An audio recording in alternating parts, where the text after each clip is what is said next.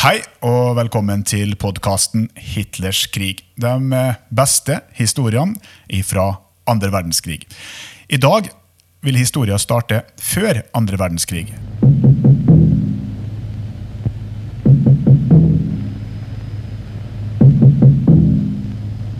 Dette er London.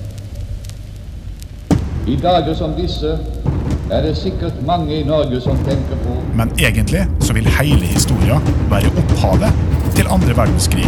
Jeg vet at jeg i denne sendingen nå langt utover havet, vestover, der det ennå er kveld, På en ganske så pikant måte også. Historien er pikant, for Adolf Hitlers foreldre de var slektninger. Og ikke bare slektninger, de var nære slektninger.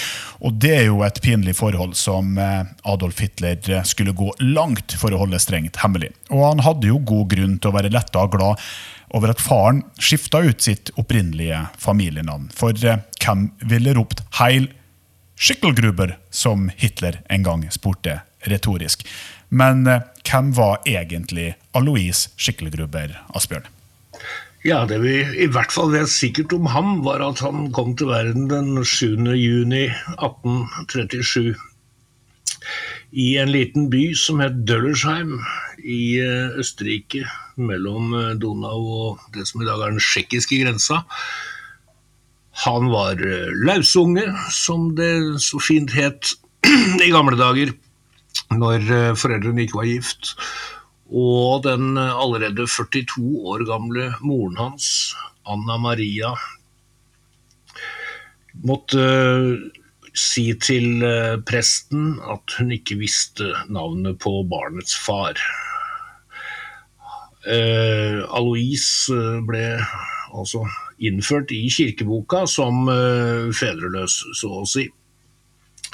Han uh, tilbrakte de første årene på småbruket hos eh, besteforeldrene sine, hos familien Marshall Berger.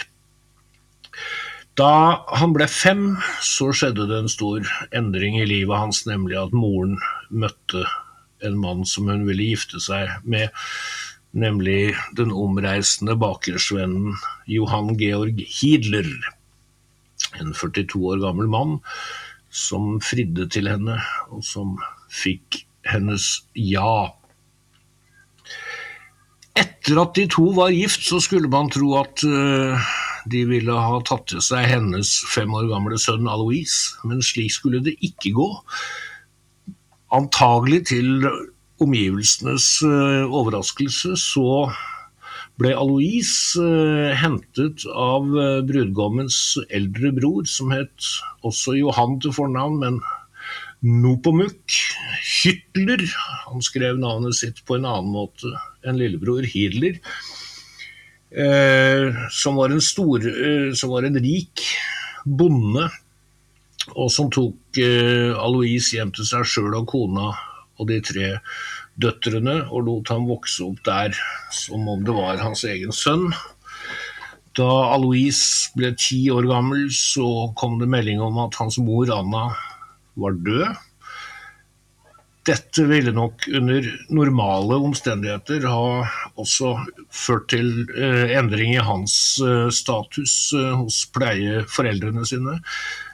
Men han fikk fortsette å bo der, og hans pleiefar tok seg like kjærlig om ham i fortsettelsen.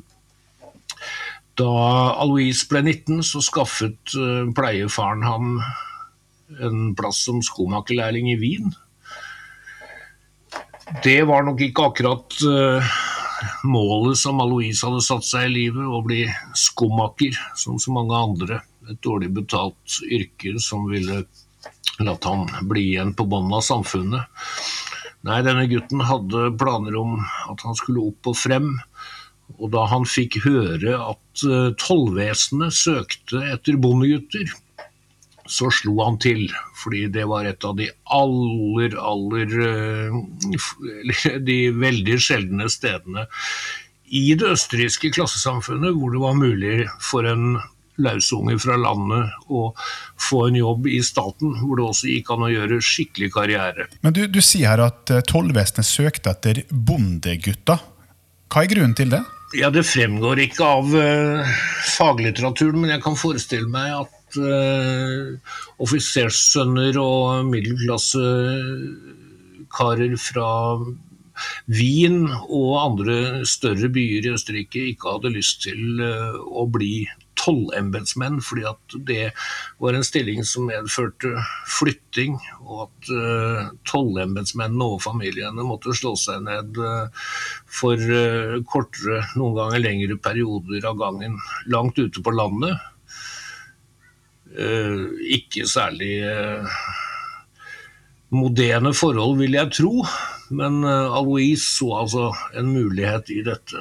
Han var sikkert mer opptatt av karriere enn eh, eventuelle boforhold der han hadde tjenestestedene sine.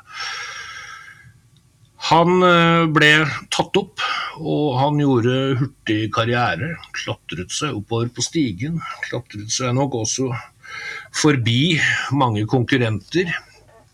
De andre på kontorene hvor han var, ergret seg over at han var eh, høy på pæra.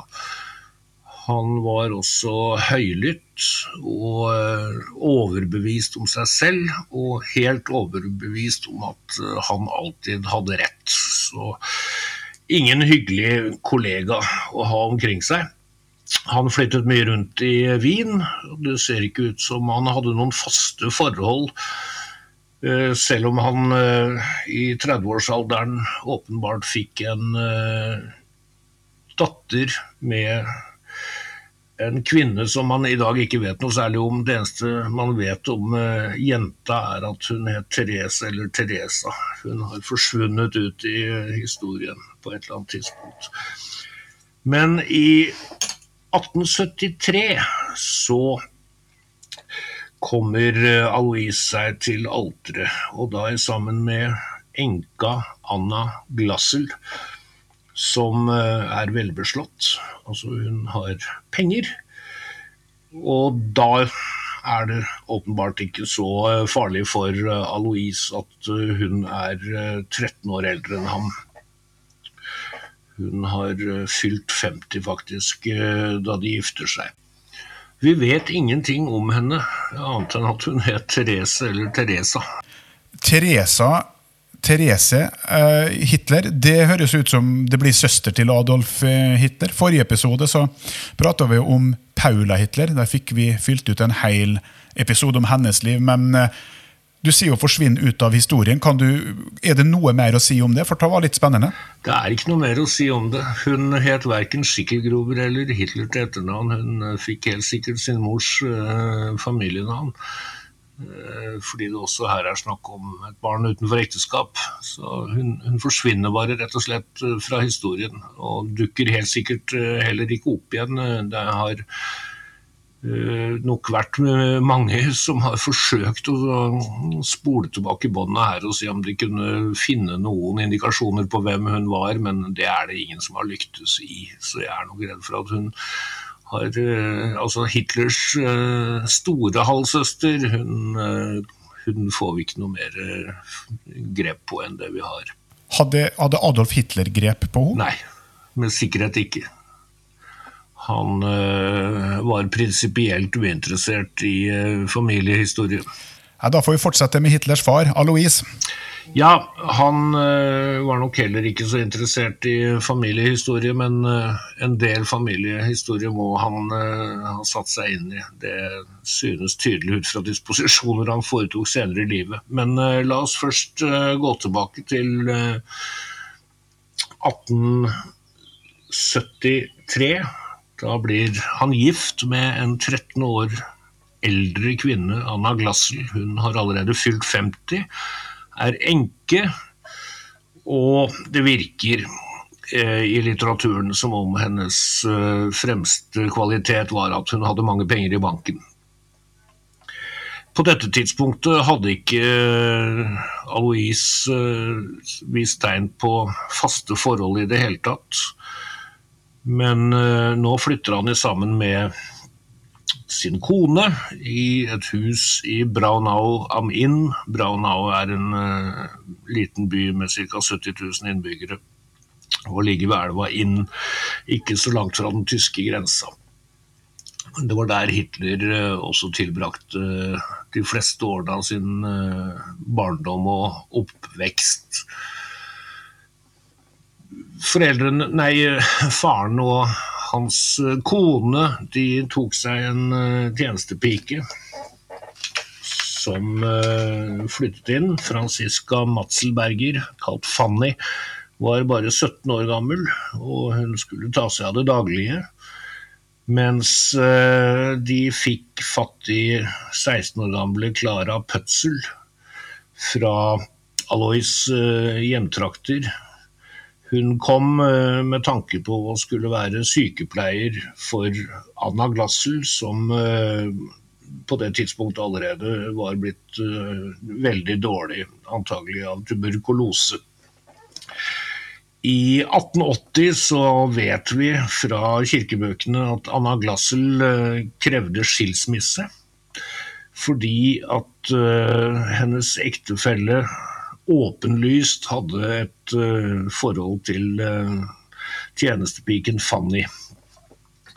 Vi vet ikke om han også hadde et uh, forhold til sykehjelperen Klara, som senere skulle bli Adolf Hitlers mor. Men det holdt i hvert fall for kona, den syke kona.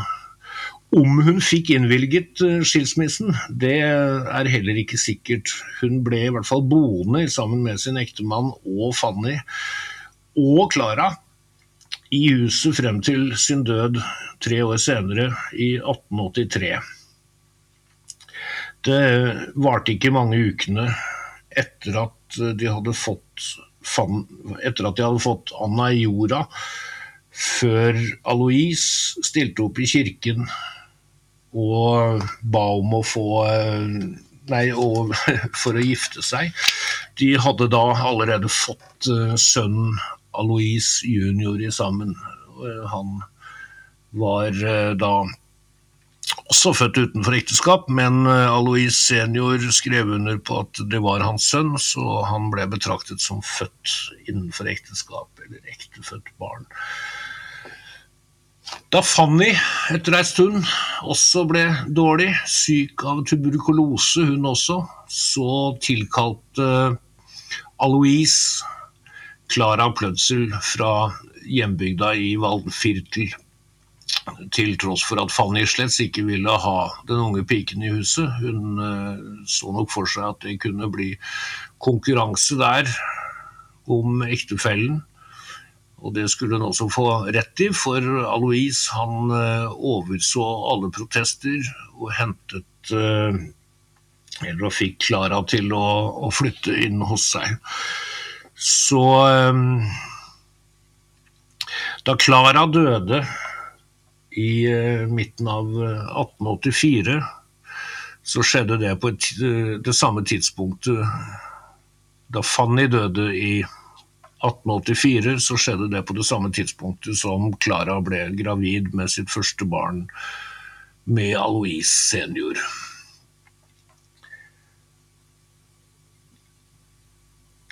Det var selvfølgelig også eh, viktig for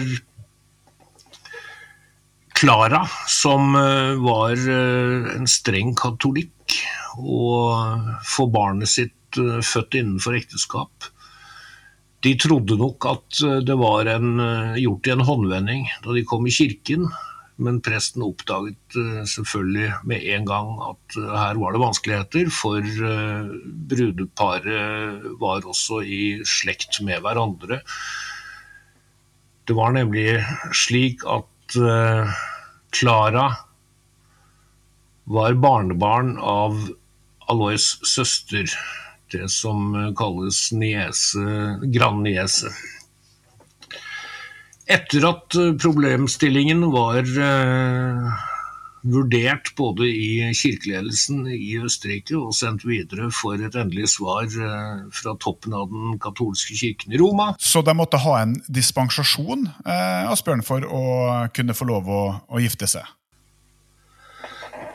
Ja, det måtte de ha fra den katolske kirken, både i Østerrike, men også helt på toppen i Roma. Fordi det var Så paven er involvert, da, eller? Ja, i prinsippet så er han det.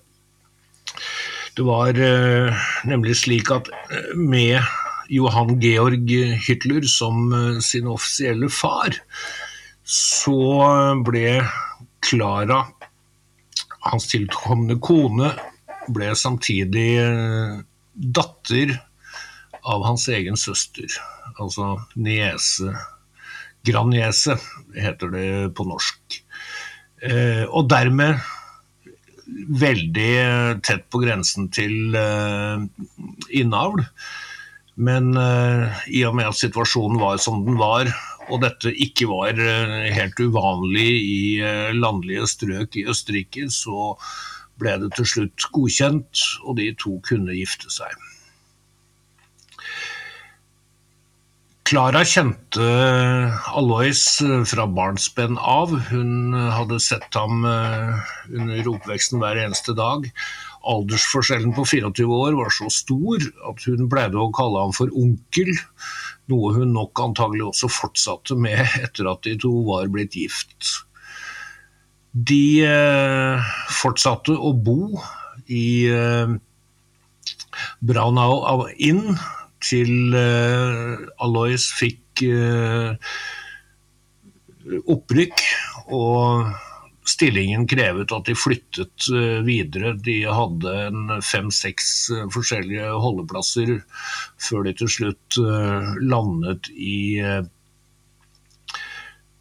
Lins, eller egentlig i en småby utenfor Lins, hvor de for første gang kunne slå rot. Barna begynte å komme til verden, den ene etter den andre. Du, du sier barna. Hvor mange, hvor mange kommer det opp i totalt her, egentlig? Sånn eh, for historiens eh, del. Hvor mange barn fikk eh, Aloise og Klara? Ja, Først så fikk Aloise to barn med sin Francisca, sin Fanny. Det var Angela og Leo. Og så fikk han seks barn med Klara. Eh, den første var eh, Gustav, som bare ble to år gammel. Så kom Ida, som også bare ble to. Så kom Otto, som døde etter noen få dager. Så var det Adolf Hitler, som ble født i 1889. Han eh, overlevde sin egen barndom. Hans eh, lillebror Edmund, som kom til verden fem år senere, han ble faktisk seks år gammel, men døde også eh, som barn. Og så til slutt så var det attpåkladden Paula som også levde frem. Men eh, i heimen så var det Og så har vi, da, da har vi altså for regnskapet til skyld altså seks barn med Klara og to barn med Franziska. Men hva med Teresa, da, som vil bli det niende barnet? Nei, det vet vi ikke. Det får vi aldri oppklart. Det, Ja, ni barn, altså, på, som vi vet om, på minst Alois. ni barn på Alois, ja. Produktiv var han i alle Og han greide, som, som jeg nevnte, å, å bo på det samme tidspunktet sammen med alle sine tre koner samtidig. Eh, Det var nok eh, ganske langt over grensen for de fleste i Østerrike den gangen, men det ser ikke ut som han brydde seg rett og slett hva folk sa og tenkte om den måten han levde livet sitt på. Han, han var en brutal, eh, oppkjefta, selvhøytidelig og også selvforelsket kar som slo hvis eh, det ikke gikk som han ville i heimen. Vi vet eh, at han pleide å banke opp eh, Adolf når han kom hjem fra kneipa. Da gjorde han det gjerne sånn at han tok ham med inn på et rom, og så lukta han døra. Klara, som var mye mindre av vekst, turte ikke å komme inn for å redde sin yndlingssønn, men hun sto alltid utenfor og fulgte med når pappa mishandlet uh, guttungen.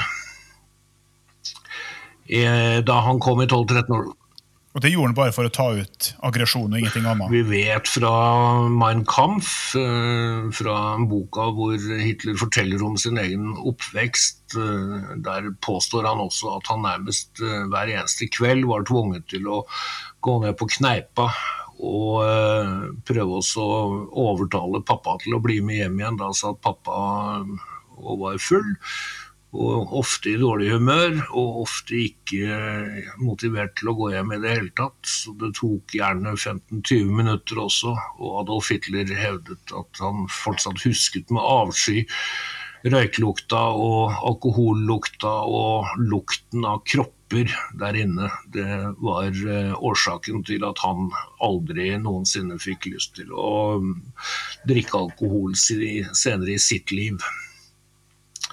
Faren pleide å komme hjem igjen, da støttet av sønnen sin.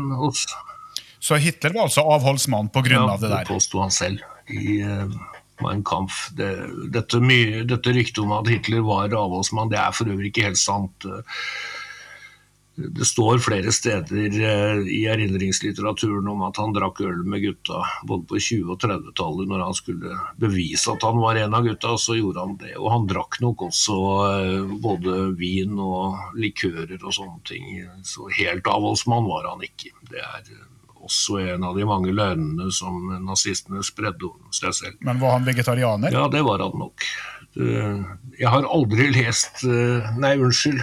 Han, eh, han, kom faktisk noen ganger på 30-tallet og deltok i sånne folkemiddager på torsdagene hvor alle klassene møttes for å spise lapskaus og vise at alle var kamerater med hverandre. Da hendte det også noen ganger at han dukket opp og for syns skyld tok ei skål med lapskaus, han også. Men han pleide å omtale kjøttsupper som likbrygg.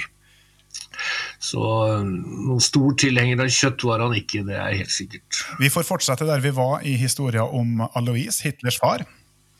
Ja, Alois uh, hadde nok selv en, ganske sterk mistanke om at uh, det var en mened og uh, en svindel han begikk da han i 1876 kom til notar og fikk skrevet seg inn i kirkeboken som ektefødt sønn av Johan Georg Hitler. Hans virkelige far var nok uh, Johan Nepomuk Hidler, altså storebroren til den utpekte pappaen. Han som hadde vært uh, pleiefaren hans gjennom hele oppveksten. Det var nemlig slik at i 1876 så hadde Hippomus far, eh, kone mener jeg, dødd. Sånn at uh, han trengte ikke lenger å være bekymret for at hun skulle få vite hva han hadde holdt på med ved siden av. Dette ekteskapet hadde ført til tre døtre, men ingen sønner. Og uh, da Hippomus døde i 1888, så uh, fant de tre døtrene et bo som var tømt for verdisaker. Det fantes verken gårdsbruk eller eh, kontanter eller sparebøker der. Og det samme året så kjøpte Alois Hitler seg en eh, stor bondegård med 380 hektar land og sånne ting. Og de pengene hadde han i hvert fall ikke tjent på å være toller, selv om det var også en godt betalt stilling. Så antagelig, eller med stor sikkerhet mener mange historikere, så var det slik at uh, Nepomuk uh, fikk ham uh, i hvert fall i familie, innad i familien, eh, tatt opp som sin ektefødte sønn, og sørget også for å etterlate hele arven sin til ham. Og det må disse to ha gjort på en slik måte at det heller ikke ble noen arveavgifter eh, å betale, for pengene var som sagt borte da eh, Mux avled og forsvant fra denne Jammerdal. Den andre konsekvensen av at uh, Alois uh, fikk seg skrevet inn i kirkeboken som ektefødt sønn av Johan Georg, var at han da også kunne skifte ut sin mors familienavn, som var Skikkelgruber. Eh, siden den ene av de aktuelle fedrene het Hydler, Hidler, og den andre het Hytler, eh, så kunne han jo valgt en av dem.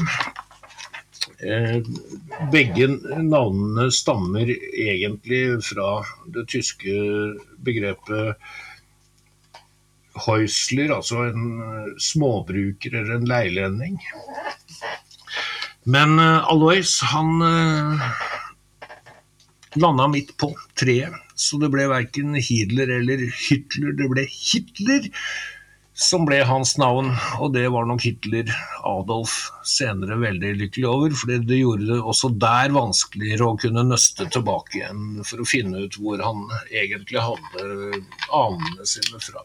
Ja, for, for der og da så skapte Alois et helt splitter nytt uh, slektsnavn som aldri har vært uh, eh, benytta før, og sjelden benytta seinere? Ja, det, uh, det er nok andre familier i Østerrike som har brukt Hitler-navnet også, men det er som sagt alt sammen variasjoner over det samme begrepet, Heusler. Så egentlig så heter føreren Adolf Småbruker? ja, noe i den stilen. Han uh, sa også det en gang i lystig lag at han uh, var happy for at faren hans hadde foretatt dette trekket, fordi at uh, hvem, som han sa, hvem hadde hatt lyst til å gå rundt og skrike 'Heil Schickelgruber'? Det hadde ikke blitt til noe. Det måtte de ha droppet. Alois, han uh, levde sitt liv uh, som tjenestemann. Han var også borte fra hjemmet et helt år. Antagelig så var det et av de lykkeligste ekteskapsårene for Klara. De to måtte vente i tre år før tillatelsen til å inngå ekteskap kom fra Roma. Og den dagen de omsider kunne eh, få dette ordnet, så gikk de ned i kirken hvor de hadde avtale klokken seks om morgenen og ble gift. Og klokka syv så hadde Alois uh, Hitler å være på kontoret, for da begynte jobben. Det var ikke snakk om at han skulle invitere kona med seg ut den dagen og gi henne blomster og kanskje feire litt. Nei, dette var hverdag som vanlig. Han hadde gifta seg flere ganger før, så det var ingen grunn til at eh, det skulle markeres noe ytterligere det. Det virker også som hun nok var litt Rein business. Ja, det var en nødvendighet, rett og slett, for ham. Eh, hun var også nødt til å ta seg av hans eh, to barn fra hans andre ekteskap. Den ene var eh, Alois junior, og den andre var datteren Francisca. Nei, unnskyld, datteren Angela mellom Alois junior Med Francisca? Ja, nettopp med Francisca. Men uh, hun som het Angela. Uh, med Alois junior så hadde han kjempetrøbbel hele tiden. De var som hund og katt. Alois mente nok at Klara tok mye mer hensyn til sine egne to til tider tre og fire, enn hun gjorde med Alois sine to eldste barn. Sånn at uh, det var stridigheter hele tiden, og sjalusi og elendighet. Og Alois fikk massevis av pryl, altså juling av faren sin. Da han eh, nådde 14-årsalderen, så forsvant han en dag. Da hadde han pakket snippsekken og gått sin vei. Så han kastet seg ut i en rar karriere som omreisende kelner. Han ble til stadig vekk eh, tatt for eh, småkrimin, småkriminalitet, underslag, tjuveri og sånne ting, og fikk noen dommer. Og rett før den andre verdenskrig så flyttet han til England, hvor han eh, giftet seg med en irsk kvinne som, fikk, som han fikk en sønn med. Det ekteskapet var nok ikke så veldig lykkelig, så rett etter at første verdenskrig var slutt, kom uh, Alois eh, junior tilbake igjen til Tyskland. Og eh, da møtte han en ny kvinne som han også giftet seg med, men uten å ha tenkt over at han faktisk fortsatt var gift med den britiske. Så det ble bigami av det. Ble hun noen gang straffa for det? Den britiske kona ble så sur at hun anmeldte han til tyske myndigheter, og han ble satt under etterforskning, og det var helt på håret at han ikke også landet for en domstol. Eh, han slapp unna det med en eh, ordentlig rapp over fingrene. Vanligvis så hadde det nok eh, medført eh, fengselsstraff, men pga. at han brukte krigen og all eh, uroen i Europa som forklaring på det han hadde gjort, så lot de han få gå. Så eh, Alois, han fortsatte å slingre gjennom livet på 20-tallet. På 30-tallet så var eh, broren hans begynt å bli så berømt at det lønte seg for ham å skryte av slektskapet. Han åpnet ei kneipe eller en restaurant på Winterfeldplatz i Berlin. Den het bare Alois. Han fikk strengt forbud fra Hitler eh, om å mot å bruke familienavnet Hitler. Det skulle ikke Adolf ha noe av. Men hele byen visste jo at eh, Alois var halvbroren til føreren, så der var det alltid smekkfullt av uh, høye dyr fra partiet og fra Wehrmacht og sånt, og han tjente godt på det under hele krigen. Etter krigen så stakk han til Hamburg og kalte seg for uh, Hitler eller noe sånt, og han levde til han var 56. og sterkt forbitret over at han ikke hadde klart å redde med seg noe av all den formuen han hadde fått stablet til sammen eh, i de gode årene i Berlin med sin lillebror som statssjef. Alois Men han greide altså ikke å komme på noe mer kreativt etternavn enn Hitler når han skulle stikke av fra Hitler? Nei, det var nok ikke fantasien som var hans sterke side. Ikke fantasien heller. Faren hans eh,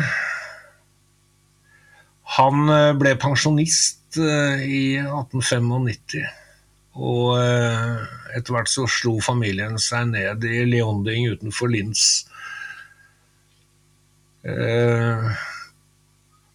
I 1903 så kom pappa en dag inn på vinstua satte seg ned og fikk glass foran seg, tok en slurk og falt død om. Jeg har ikke sett ham skrive at det må ha vært den lykkeligste dagen i hans liv, men det var nok det for Adolf Hitler antagelig, da hans uh, sterkt hatede opphav uh, omsider forsvant. Han pleide å banke ham opp uh, daglig, forteller Hitler i Mein Kampf. og men en dag så leste Hitler i uh, en cowboybok om en uh, indianer som hadde masse mot. Han tålte å bli pisket uten at han uh, ga uttrykk for smerte. Så da faren hans tok av seg belte for å slå, eller om han brukte spanskrøret, det vet jeg ikke, men for hvert slag så ropte Adolf én, to, tre, i stedet for å begynne å gråte eller å gi uttrykk for smerte. Da klarte han å erte opp faren sin så fælt at han fikk 33, men var stolt eh, da han fortalte Paula etterpå om at han ikke hadde felt en eneste tåre. Så det fortsatte da med å være hans uttrykk for opposisjon, at når eh, faren banket, så skrek han eh, antallet slag. Så de to ble, kom aldri på talefot med hverandre. Han ble begravd i Leonding, ved siden av huset han hadde kjøpt til familien der. Og så solgte enka, og så flyttet hun og de to barna som var gjenlevende, altså Paula og Adolf, til en leid leilighet inne i byen Linz, hvor de skulle komme til å bo de påfølgende tre-fire årene frem til Klara i 1907 ble alvorlig syk av eh, brystkreft. De siste ukene av hennes liv så var Adolf hjemme og pleiet sin mor. den jødiske legen doktor Bloch kom og ga henne en morfinsprøyte en gang iblant, men det var helt tydelig hvilken vei dette gikk. Og både Paula og Adolf var til stede de siste dagene under morens ekstremt smertefulle øh, sykeleie og til slutt hennes død. Den samme doktor Bloch har fortalt om øh, Adolf Hitler som 18-åring umiddelbart etterpå. Han var helt knust, eh, sa legen. Adolf Hitler eh, glemte aldri denne menneskelige legen som eh, hadde støttet dem. Så da han i 1938 ble forfulgt av nazimyndighetene i Østerrike, så sørget Hitler for at han fikk de nødvendige papirene, slik at familien og han kunne emigrere til USA. Så han, sa, han takket faktisk for sist. Pappa kom i jorden, og mamma var blitt uh, enke. Hun uh, skjemte bort Adolf på alle tenkelige måter, og så også imellom fingrene med at han uh, ikke lenger hadde noen særlig gode karakterer på skolen. Til slutt så var karakterene så dårlige at han måtte gå om igjen. Og samme hvordan hun tryglet og ba, så begynte ikke han å gjøre hjemmelekser. Eh, han snakket foraktelig eh, alltid etterpå om skolen, hvor enkelt det var å, lære seg pensum og sånne ting. men Karakterbøkene hans eh, snakker et annet språk. Han hadde kjempetrøbbel. Da hun døde, så hadde han allerede blitt tuppet ut av skolen. Så det var klart at han var egentlig ikke klar til å studere i Wien. Han hadde heller ikke fortalt sin mor at eh, han hadde vært eh, oppe til eh, opptaksprøve på Kunstakademiet og dumpa. Han falt gjennom, rett og slett. Han kunne ikke tegne mennesker, så de ville ikke ha ham. Men han trodde nok han skulle få flere sjanser. Det fikk han ikke. Men han lot som om det var Wien som var fremtiden for han. Så etter at morens begravelse var overstått, så ordnet han det slik at lillesøster Paula ble plassert hos halvsøster eh, Angela. Så snappet han til seg eh, rettigheten til halvparten av eh, den pensjonen som Paula og han hadde krav på, fordi de hadde mistet begge foreldrene.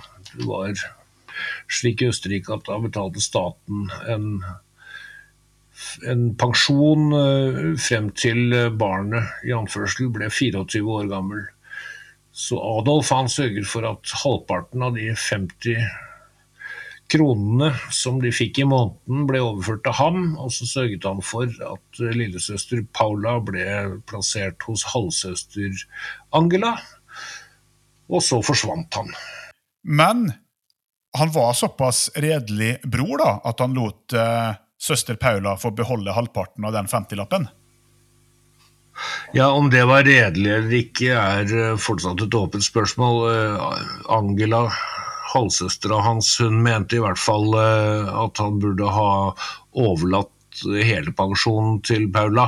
At han kunne brødfø seg sjøl i Wien. Han hadde for øvrig arvet ganske mye penger kontant også, så han hadde egentlig til eh, flere års eh, opphold i Wien fremover, men han hadde dyre levevaner, og han likte å gå i opera og ballett hver eneste kveld, og han satt gjerne på kafé om dagen og sånt, og så han uh, fikk fyrt av det han arvet ganske hurtig, og så fikk han snytt en av tantene sine til å låne ham et større beløp, så han levde noen måneder videre på det.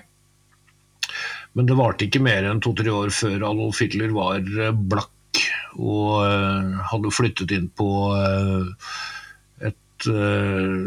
hjem for uh, boligløse menn. Så han hadde noen, uh, noen riktig dårlige år fram til 1913, rett før den første verdenskrigs begynnelse, da han stakk av fra hjemlandet og kom seg over grensa til Tyskland, til München, hvor han meldte seg som frivillig for tyskerne. Men det har blitt veldig mange navn, og eh, Alois har eh, tydelig vært eh, en stor distriktsbefrukter i, i sin tid. Går det an å tegne et lydmessig bilde av slektstreet til Alois Hitler, Asbjørn, så vi skjønner hvem som er ektefelle og hvem som er barn, og hvor de står i, i forhold til Adolf Hitler? Da kirken sa ja til ekteskapet med Klara, så var det under forutsetningen at uh, Alois var sønn av uh, Johan Georg uh, Hidler, og hadde prestene kjent den virkelige sammenhengen, nemlig at han var i virkeligheten sønn av Nepomuk Hitler, så ville dette ekteskapet med sikkerhet ikke blitt tillatt.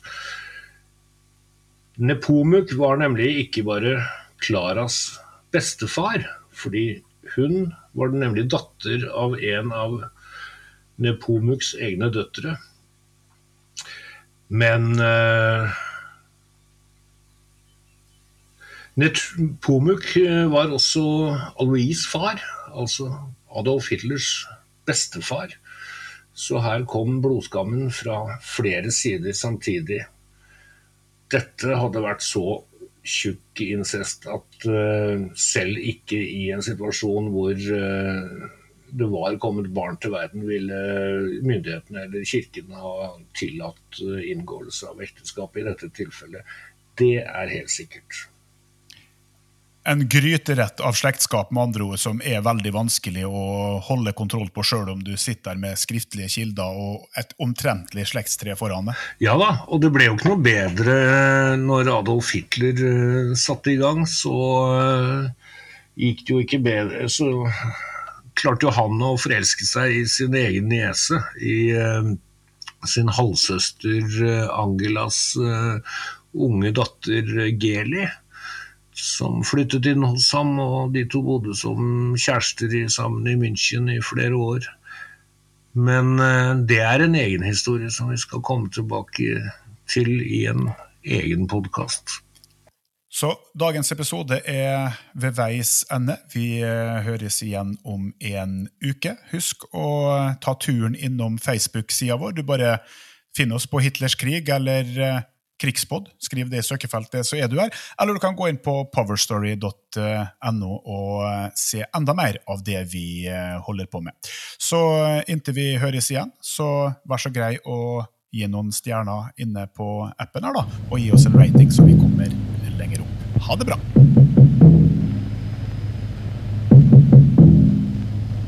Dette er London. I dager som disse er det sikkert mange i Norge som tenker på